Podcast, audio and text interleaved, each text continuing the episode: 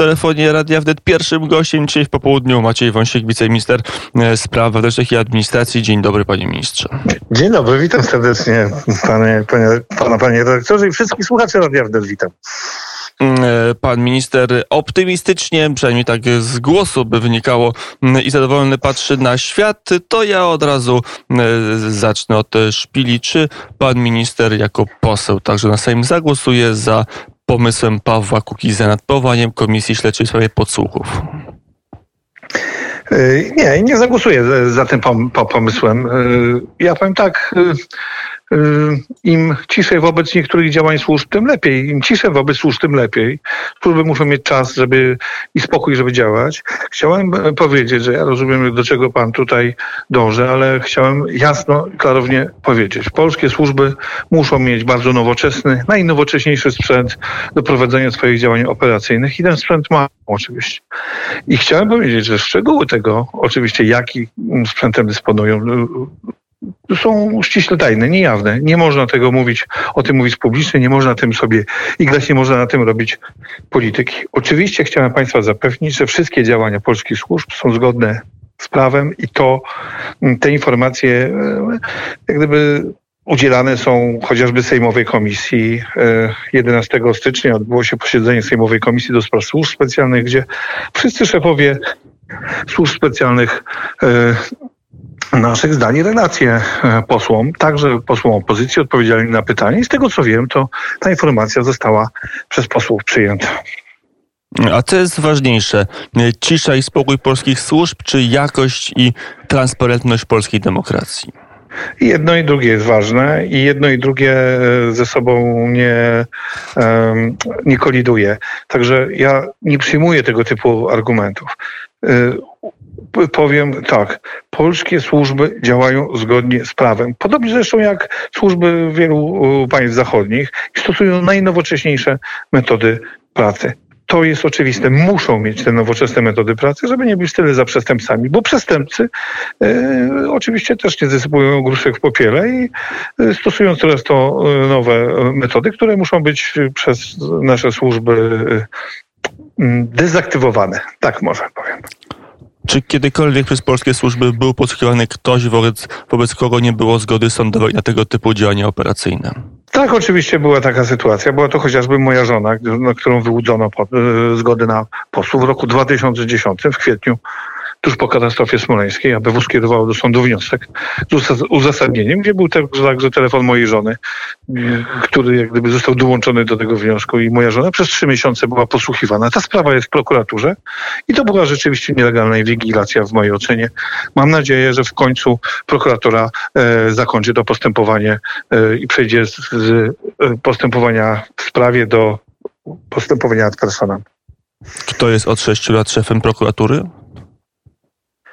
Prokuratorem generalnym jest Zbigniew Ziobro, ale prokuratura jest niezależna i działa y, w sposób no, raz szybciej, raz, raz, raz wolniej sobie zdaje z tego A w tej sprawie Natomiast działa wystarczająco W 2010 szybko. roku szefem ABW był generał Bondarek.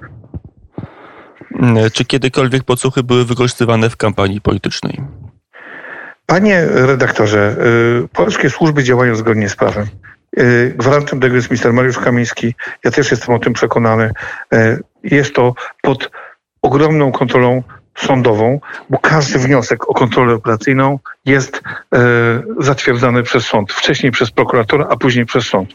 Żeby było przedłużeniu tego wniosku, sąd przyjmuje informacje, co się działo w, e, podczas stosowania tej kontroli operacyjnej wcześniej. Naprawdę uspokajam Państwa i proszę, e, e, no, jak gdyby zrozumieć, że służby muszą ścigać przestępców ścigają ich, tych przestępców na całym świecie, stosując metody pracy operacyjnej.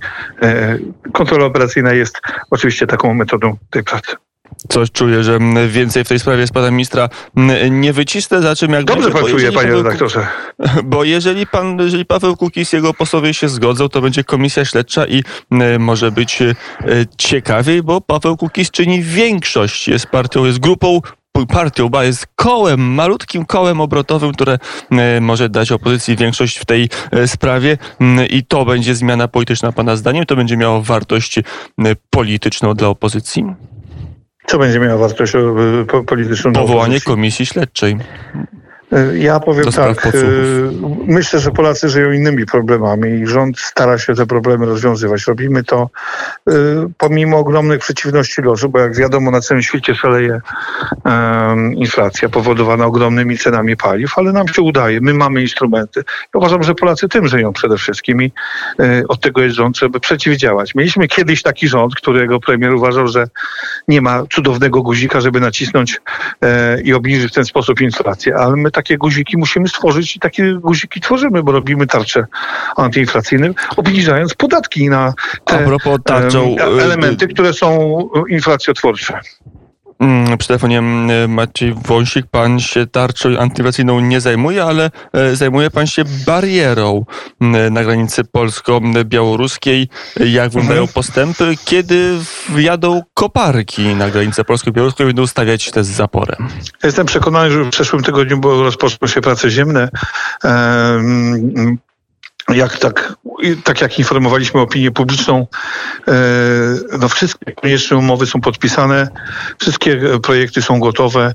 Tak naprawdę już e, w polskich hutach, e, które są własnością węglokoksu, robione są elementy metalowe, później w Mostostalu Siedlce one będą spawane, później dostarczane na granicę, tam gdzie już będą palownice, czy dziesiątki nawet palownic wbijały no takie no, nazwijmy to, fundamenty pod y, ten,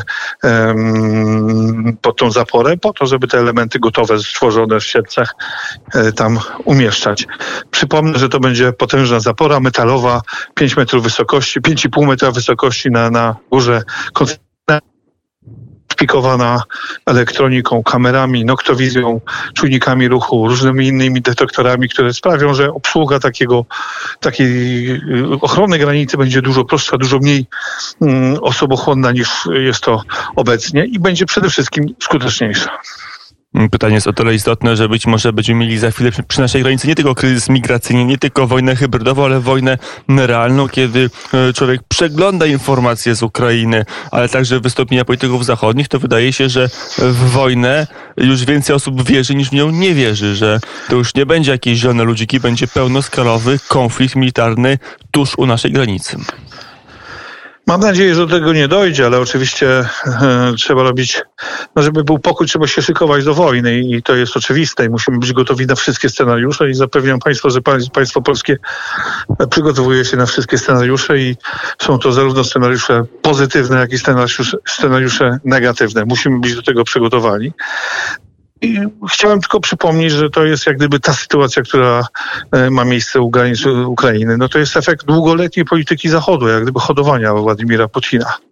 Hodowania, zarabiania z nim pieniędzy, e, budowania Nord Stream 1, później Nord Stream 2. Politycy zachodni byli zafascynowani e, możliwością handlu z Rosją.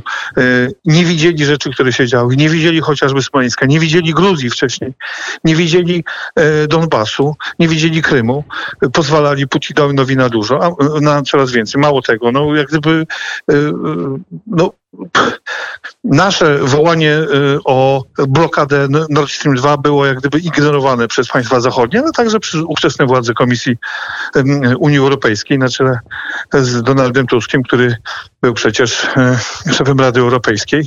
Y, bardzo, ważna, bardzo ważne stanowisko.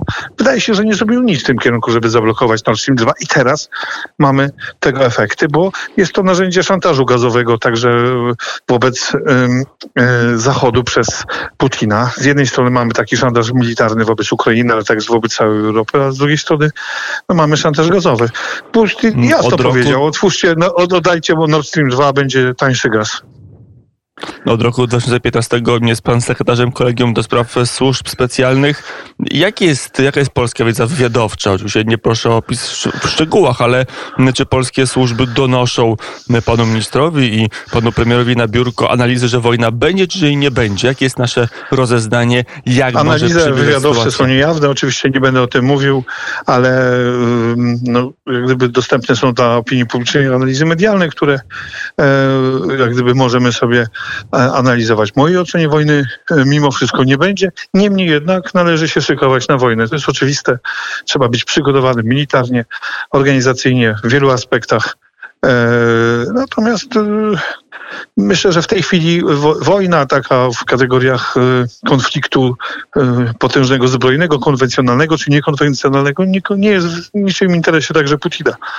Jemu zależy na pewno odbudowie takiej geopolityki w sensie zimnej wojny, strefy wpływów, chce je poszerzać, chce w zasadzie dzielić strefy wpływów, e, no, trzeba temu zapobiec i mam nadzieję, że świat zachodni się obudzi. Niestety Ameryka w tej chwili jest e, po Afganistanie i po, e, wydaje się, przez aktywność administracji Bidena jest no, troszeczkę słabsza.